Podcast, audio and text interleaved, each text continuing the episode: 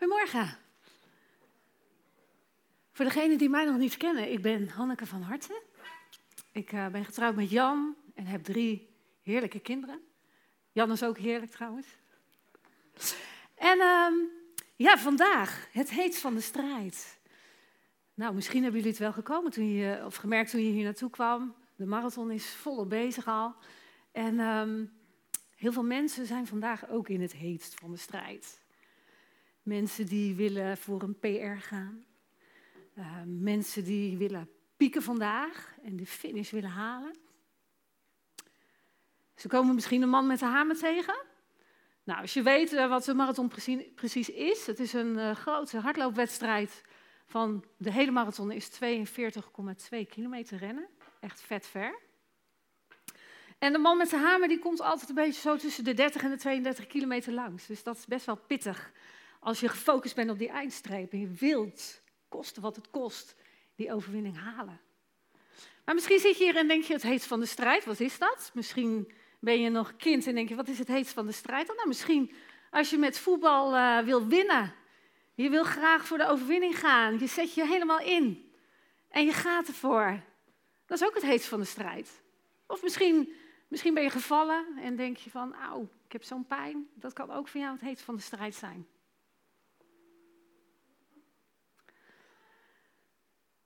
Er is ook een andere strijd. Het heet van de strijd vindt ook soms plaats op geestelijk vlak.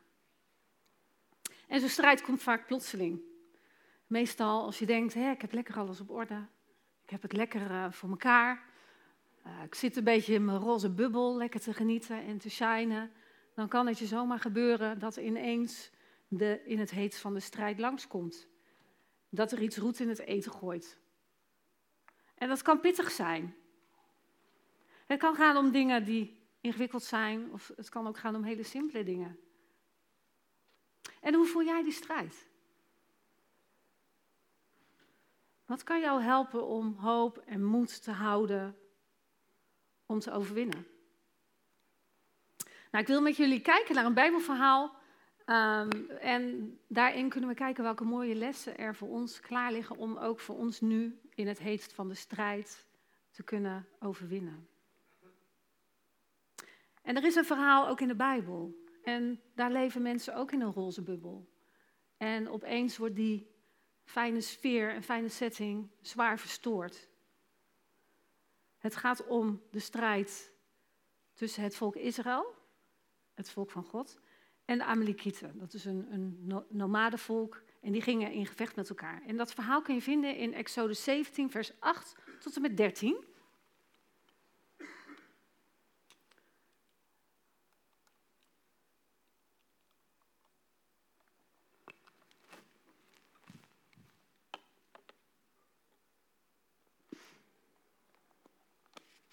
Zal het voorlezen. In Refidim werd Israël aangevallen door de Amalekieten. Toen zei Mozes tegen Jozua, kies een aantal mannen uit en trek met hen tegen Amalek ten strijde. Ikzelf zal morgen op de top van de heuvel gaan staan met in mijn hand de staf van God. Jozua deed wat Mozes hem had opgedragen en trok tegen Amalek ten strijde. En Mozes ging naar de top van de heuvel samen met de Aaron en Hur. Zolang Mozes zijn arm opgeheven hield, was Israël de sterkste partij. Maar liet hij zijn arm zakken, dan was Amalek de sterkste. Toen Mozes' armen zwaar werden, legde Aaron en Hur een steen bij hem neer, zodat hij daarop kon gaan zitten. Zelf gingen ze aan weerszijden van hem staan om zijn armen te ondersteunen. Daardoor konden zijn armen opgeheven blijven totdat de zon onderging.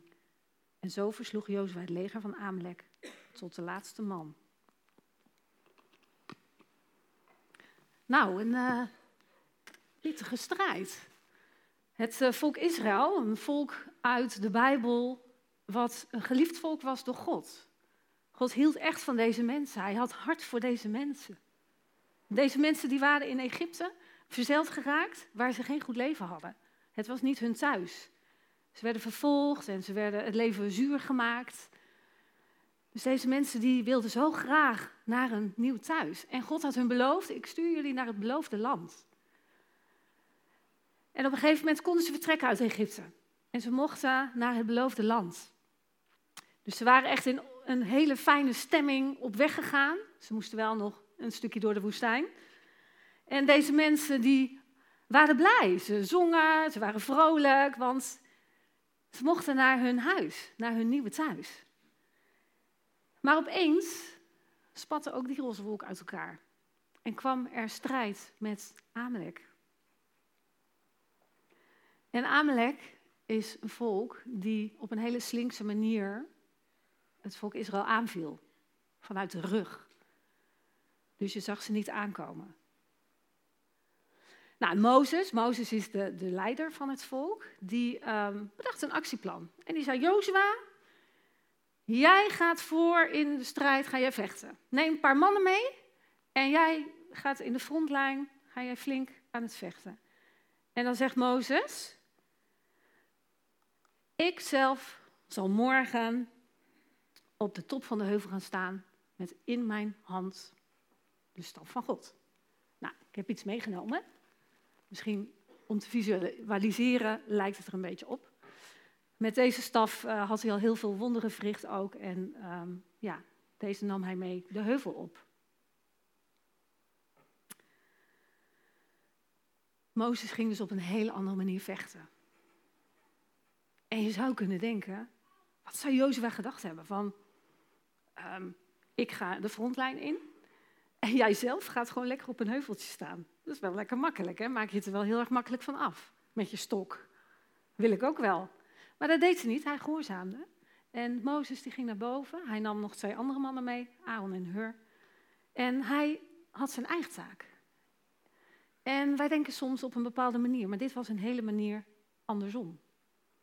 Want deze staf van God is een hele belangrijke staf, een essentiële staf voor de overwinning. En hij ging naar die heuvel. En van een heuvel heb je overzicht en inzicht.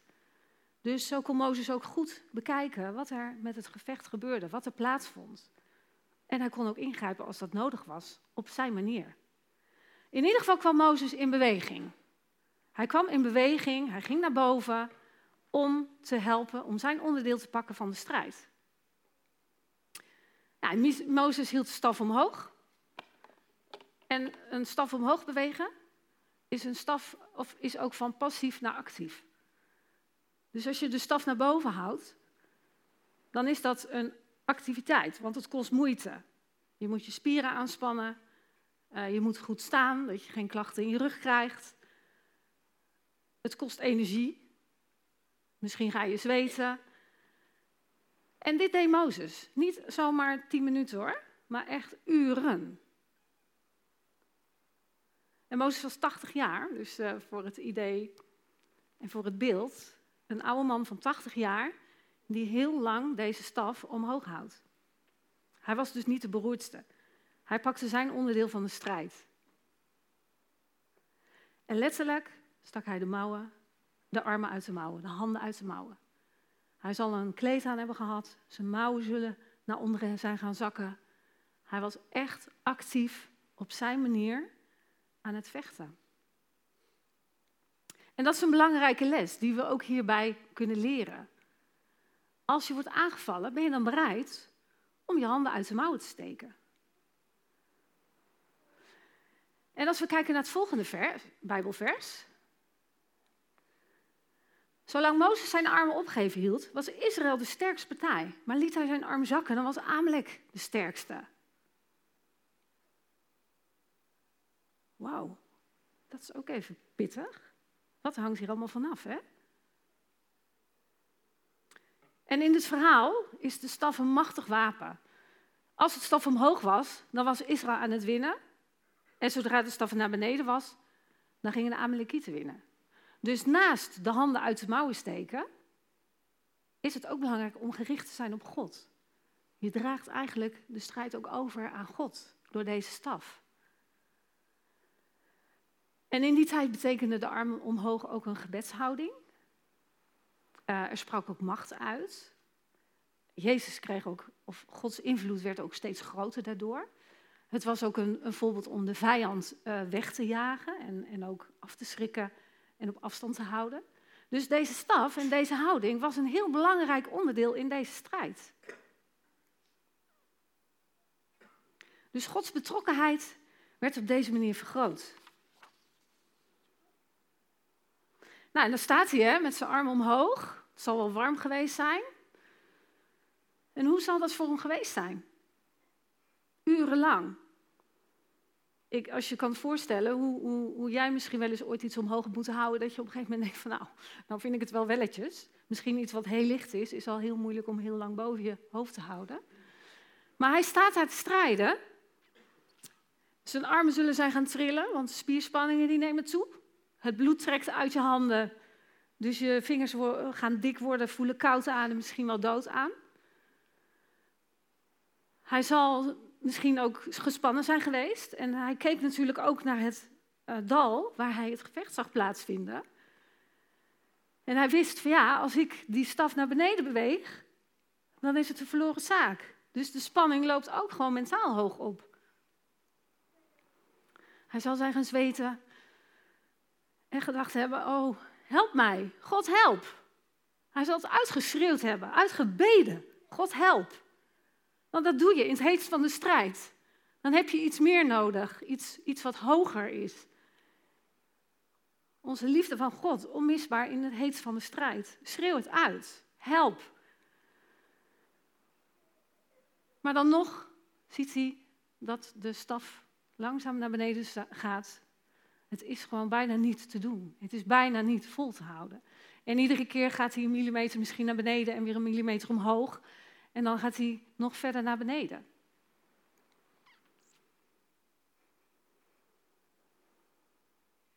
En de strijd lijkt gestreden. Wat zal die een verdriet ook gehad hebben? Van wat een, een, een ja, verdriet zal het zijn om, doordat ik de staf niet omhoog kan houden, omdat de moed verdwijnt, dan ook de hoop verdwijnt. En dan zien we in Exodus 17, vers 12. Toen Mozes' armen zwaar werden, legde Aaron en Hur een steen bij hen neer. Zodat hij daarop kon gaan zitten. Zelf gingen ze aan weerszijden van hem staan om zijn armen te ondersteunen. Ze gingen samen de strijd aan. Hij kreeg ondersteuning. Er werd een, steen onder hem gelegd. Daar mocht hij lekker op gaan zitten. Zijn armen werden ondersteund door twee mannen, Aaron en Hur. En zo kon deze staf weer superhoog blijven. Gericht op God, gericht op de hulp. Gericht op waar je de overwinning van mag verwachten. Want dat kunnen we niet zelf. En dit voorbeeld maakt zoiets iets moois los. Ook in mij. Dat ik ook denk, ja, wat ontroerend ook. Dat dit gebeurde. Dat deze mensen hem gingen ondersteunen. Ze zagen hem worstelen. En op een gegeven moment zagen ze ook, de maat is vol. We kunnen dit niet meer door laten gaan. We kunnen dit niet meer aanzien. We gaan hem nu ondersteunen. En met z'n allen winnen ze deze strijd.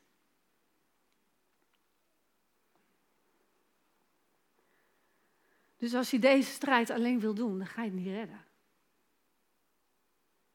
Mozes zorgde zelf voor de hulptroepen. Hij had deze man meegenomen. En Mozes was een hele wijze man en die ook de les aannam van God. Die ook tegen ons zegt, gebruik elkaar. Maak gebruik van elkaar. Trek samen op. Dus naast de bereidheid om je handen uit de mouwen te steken, om je te richten op God, mag je dit ook samen doen. Door het gebruik te maken van elkaar word je sterker en kun je de vijand beter weren.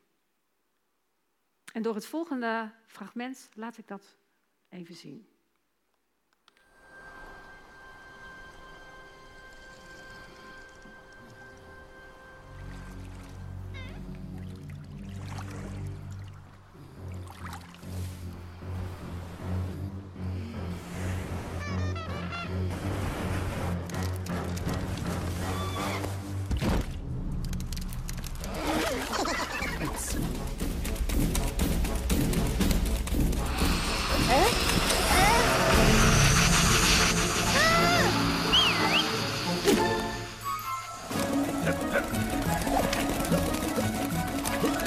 はい。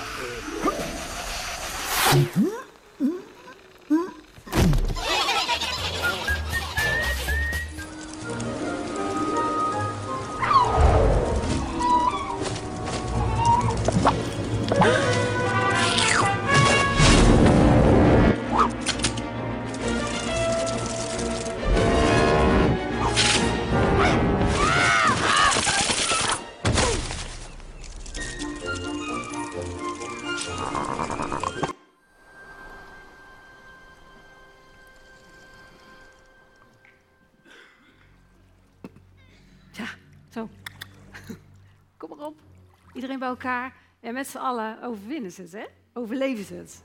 Mooi om te zien. Samen doen in eenheid. Eenheid maakt sterk. Iedereen heeft daarin een eigen taak. En dat zie je ook heel mooi in dit Bijbelverhaal. Iedereen heeft zijn taak gepakt. Jozua in de frontlijn. Aaron en Hur als ondersteuning van Mozes. En Mozes, die kon de staf van God omhoog houden. we hebben elkaar hard nodig. We kunnen het niet altijd in eigen kracht. We mogen leren om samen de dingen op te pakken, om om te zien naar elkaar. Dat is ook het mooie van een stadskerk, van een kerk waarin we mensen zijn die bij elkaar zijn gezet om elkaar ook op weg te helpen. Om elkaar te helpen in het heetst van jouw strijd. En dat je erin mag omzien naar elkaar en dat je ook mag hulp vragen. Net zoals Mozes, die was gewoon goed voorbereid. Die had zijn mannetjes ook geregeld. En dat mag jij ook. Je mag ook zorgen dat het geregeld wordt. Dat je mensen mag inschakelen. En dat is soms ook best moeilijk om daarom te vragen.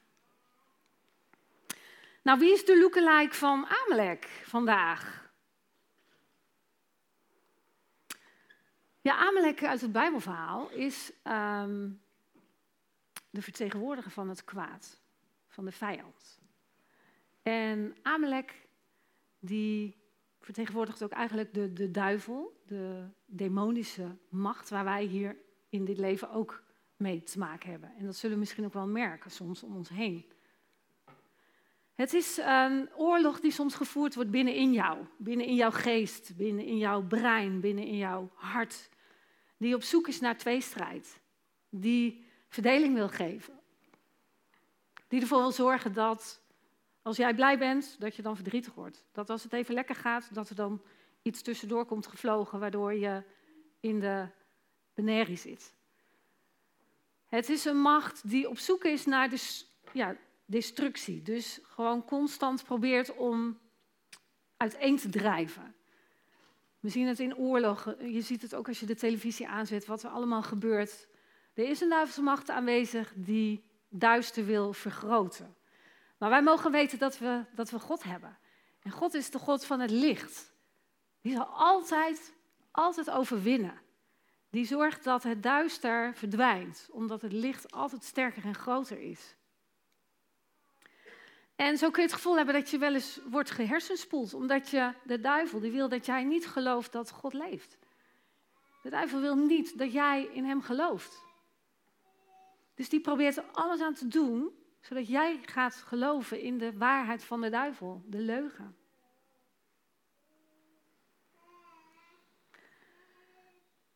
En hij probeert je altijd op te zoeken op de zwakste plekken. En dat zijn de plekken in je hart, maar dat zijn de plekken ook waar je in relaties met elkaar verbindt. Je gedachten, je kwetsbaarheid, het moment dat je uit wil stappen, dat je iets voor God wil doen, of dat je misschien iemand wil vertellen over hoe fijn jij het geloof vindt. Dat zijn de momenten waarop je het kwetsbaarst bent en waarop de macht eigenlijk aan de haal gaat met jou om te zorgen dat jij niet kan getuigen. In kerken, dat is natuurlijk ook een hele mooie plek waar we allemaal bij elkaar komen om God groot te maken. En daar zien we ook wel eens dingen gebeuren hè, die, die daar dan in zorgen dat het niet lukt. We hadden vanmorgen nog bijvoorbeeld een beetje probleempjes met de stoppen die doorsloegen. Weet je, er zijn altijd wel dingen die gebeuren waardoor het eigenlijk niet kan doorgaan. En deze strijd kan heel hardnekkig zijn, vooral voor jou en voor jouw persoonlijke geloofsleven. En als ik naar mezelf kijk, dan heb ik ook wel af en toe het gevoel van, hmm, die macht die overspoelt mij, die neemt het van me over. En vaak zie ik het niet aankomen, want dan leef ik ook in mijn roze bubbel. En dan is er ineens een moment, en die zie ik dan niet aankomen. Want deze macht die komt altijd uit een onverwachte hoek. Zo uh, ben ik vier keer um, op reis geweest uh, naar gebieden met extreme armoede. En ik beleef daar zoveel unieke momenten. Ook zie ik daar heel veel mooie gebeurtenissen die, uh, waarin we kunnen zien dat God zo fantastisch voor de mensheid is. hoe God aanwezig is op juist die extreme plekken van duisternis. Waar ik echt heb gezien van, nou dit is echt het licht wat overwint in de duisternis.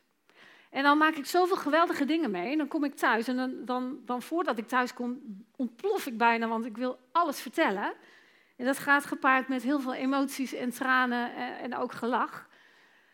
Maar altijd is dat thuiskomen ontzettend moeilijk. Want daar is de strijd. Daar gebeurt het dat ik niet mijn verhaal kan delen zoals ik dat wil. Ik voel conflicten, ik voel ergernissen, ik voel oneerlijkheid. De wereld is zo eerlijk, oneerlijk. Als je thuis komt nadat je in extreme armoede bent geweest, dan klopt er niks meer. Dat trekt enorm aan me. Maar er zijn echt veel momenten die mijn enthousiasme dempen. En waardoor kan ik soms niet helemaal precies zeggen. Maar het voelt alsof ik niet meer kan getuigen. Er komt ruis. Er komt ruis op de lijn. Uh, we spreken een verkeerde of een verschillende taal. Dat gevoel. Misschien herken je dat.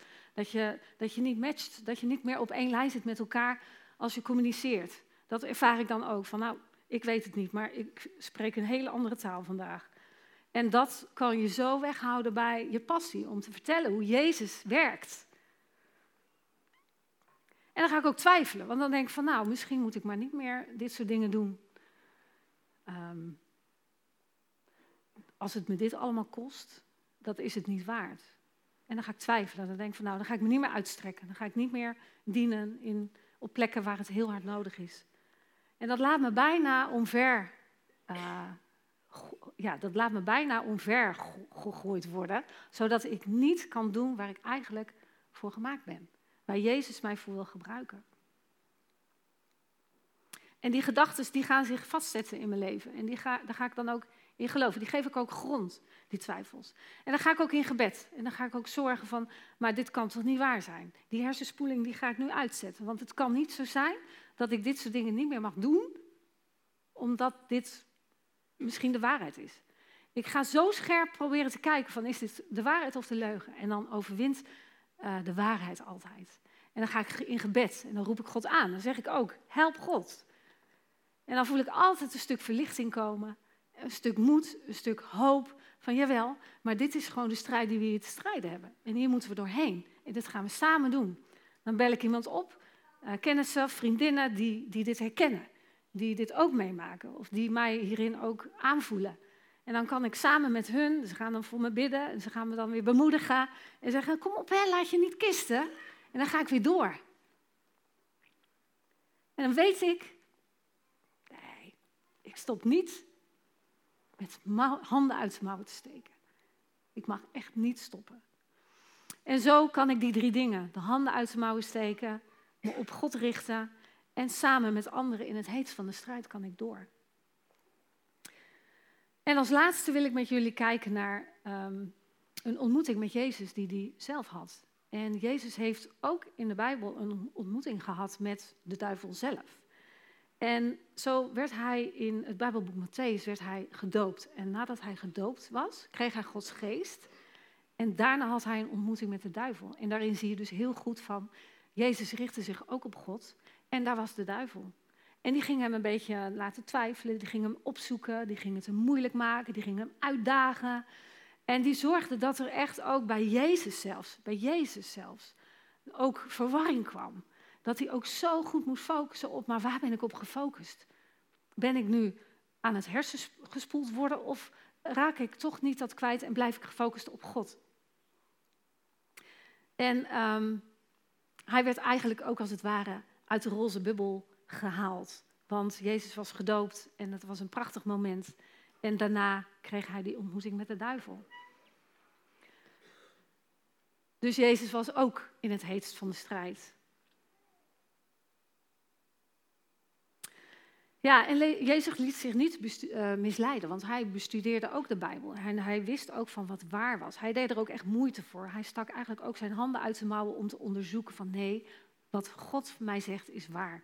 Ik laat me niet misleiden. En het maakte hem daardoor sterk en minder vatbaar voor afwijzing, bedrog, armoede, verdriet en verlies. Allemaal dingen die wij ook kennen. En als je onderweg met Jezus gaat, dan zal je hele mooie, prachtige dingen meemaken. Dan zul je wonderen meemaken. Dan zul je momenten meemaken dat je voelt van, hé, hey, dit is echt leiding. Dit, dit vult mij met goedheid. Maar je zult ook dingen tegenkomen, net zoals Jezus zelf. Die proberen dat weg te halen. Dat je gaat twijfelen. Dat je niet gaat getuigen, dat je niet gaat opstaan en je uitstrekken om te jubelen van hoe groot God is. En het leven kan gewoon soms heel oneerlijk zijn. En het leven is oneerlijk. Maar Jezus is eerlijk. Die is zo eerlijk en zo betrouwbaar. Daar mag je echt je aan overgeven. En dat is wat, als we weer kijken naar Mozes en die staf, die gaf zich ook over aan de hulp en de kracht van Jezus. En je mag weten dat God het grootste lichtpunt is in de wereld. Dat als je Hem toelaat, dan is het alsof het licht aangaat in het donker. Het licht en zijn waarheid verdrijft de leugen van het duister. Ben jij ook nog gericht op God? Ben je dat gewend of ben je dat nog niet zo gewend en ben je dat misschien een beetje aan het proberen? Heb je daar ook behoefte aan dat het veel meer licht wordt in jouw leven, in jouw binnenkant en ook in jouw omgeving? Als je gericht blijft op aardse dingen, dan is je staf naar beneden. En je zal tijdelijk verlichting ervaren en incidenteel problemen kunnen oplossen. Maar voor de lange termijn zal het geen oplossing zijn en zal het ook geen uiteindelijke voldoening geven. Als je gericht bent op boven, met je staf omhoog, en je geeft je leven over aan Hem, aan Zijn liefde en aan Zijn aandacht specifiek voor jou, ja, dan zal je Hem kunnen gaan ervaren. Dan kun je van binnen echt Gods goedheid en Zijn, zijn geest ook, die ook in jou wil wonen, die jou ook wil helpen om het licht te vergroten, die zal je dan gaan ervaren. En dan zal je jouw strijd ook beter aankunnen. Dan kun je het ook beter overzien. Dan zal het lichter worden. Dan zal het echt lichter om jou heen worden. Want Hij biedt jou innerlijke rust en vrede. God geeft verlossing, vrede en een vorstelijke voldoening. God is groot, met een zachte G. En Jezus won de strijd toen hij voor ons stief aan het kruis. En om ons vrijheid te geven. Hij vocht voor ons en hij wil nog steeds voor jou vechten ook. Hij gunt jou de overwinning in al je gevechten. En als we dan over de staf hebben, die mag echt omhoog. Ben je al zover om hem echt omhoog te doen? Richt je naar boven om zijn hulp te ontvangen. Hij vecht voor jou, omdat jij kan leven in vrijheid. Met hoop, met vertrouwen, met liefde. En uitzicht op een eeuwige overwinning. Ik wil je een moment geven om hierover na te denken en om eens te kijken van wat betekent die stap voor mij in mijn leven? Heb ik al ervaren dat ik daarin ergens iets ook mag gaan doen? Mag ik iets gaan loslaten? Mag ik iets gaan overdragen? mag ik iets gaan aannemen en toelaten.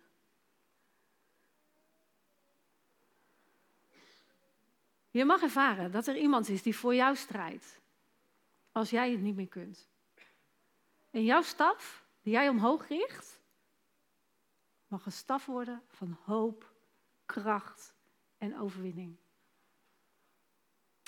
bij het volgende nummer wat we gaan bekijken, mag je blijven zitten en dan mag je ja, even gaan nadenken en luisteren. En bezinnen over wat de, God, de staf van God in jouw leven is. En word ook bewust van de uitnodiging van God om voor jou te vechten. Dankjewel.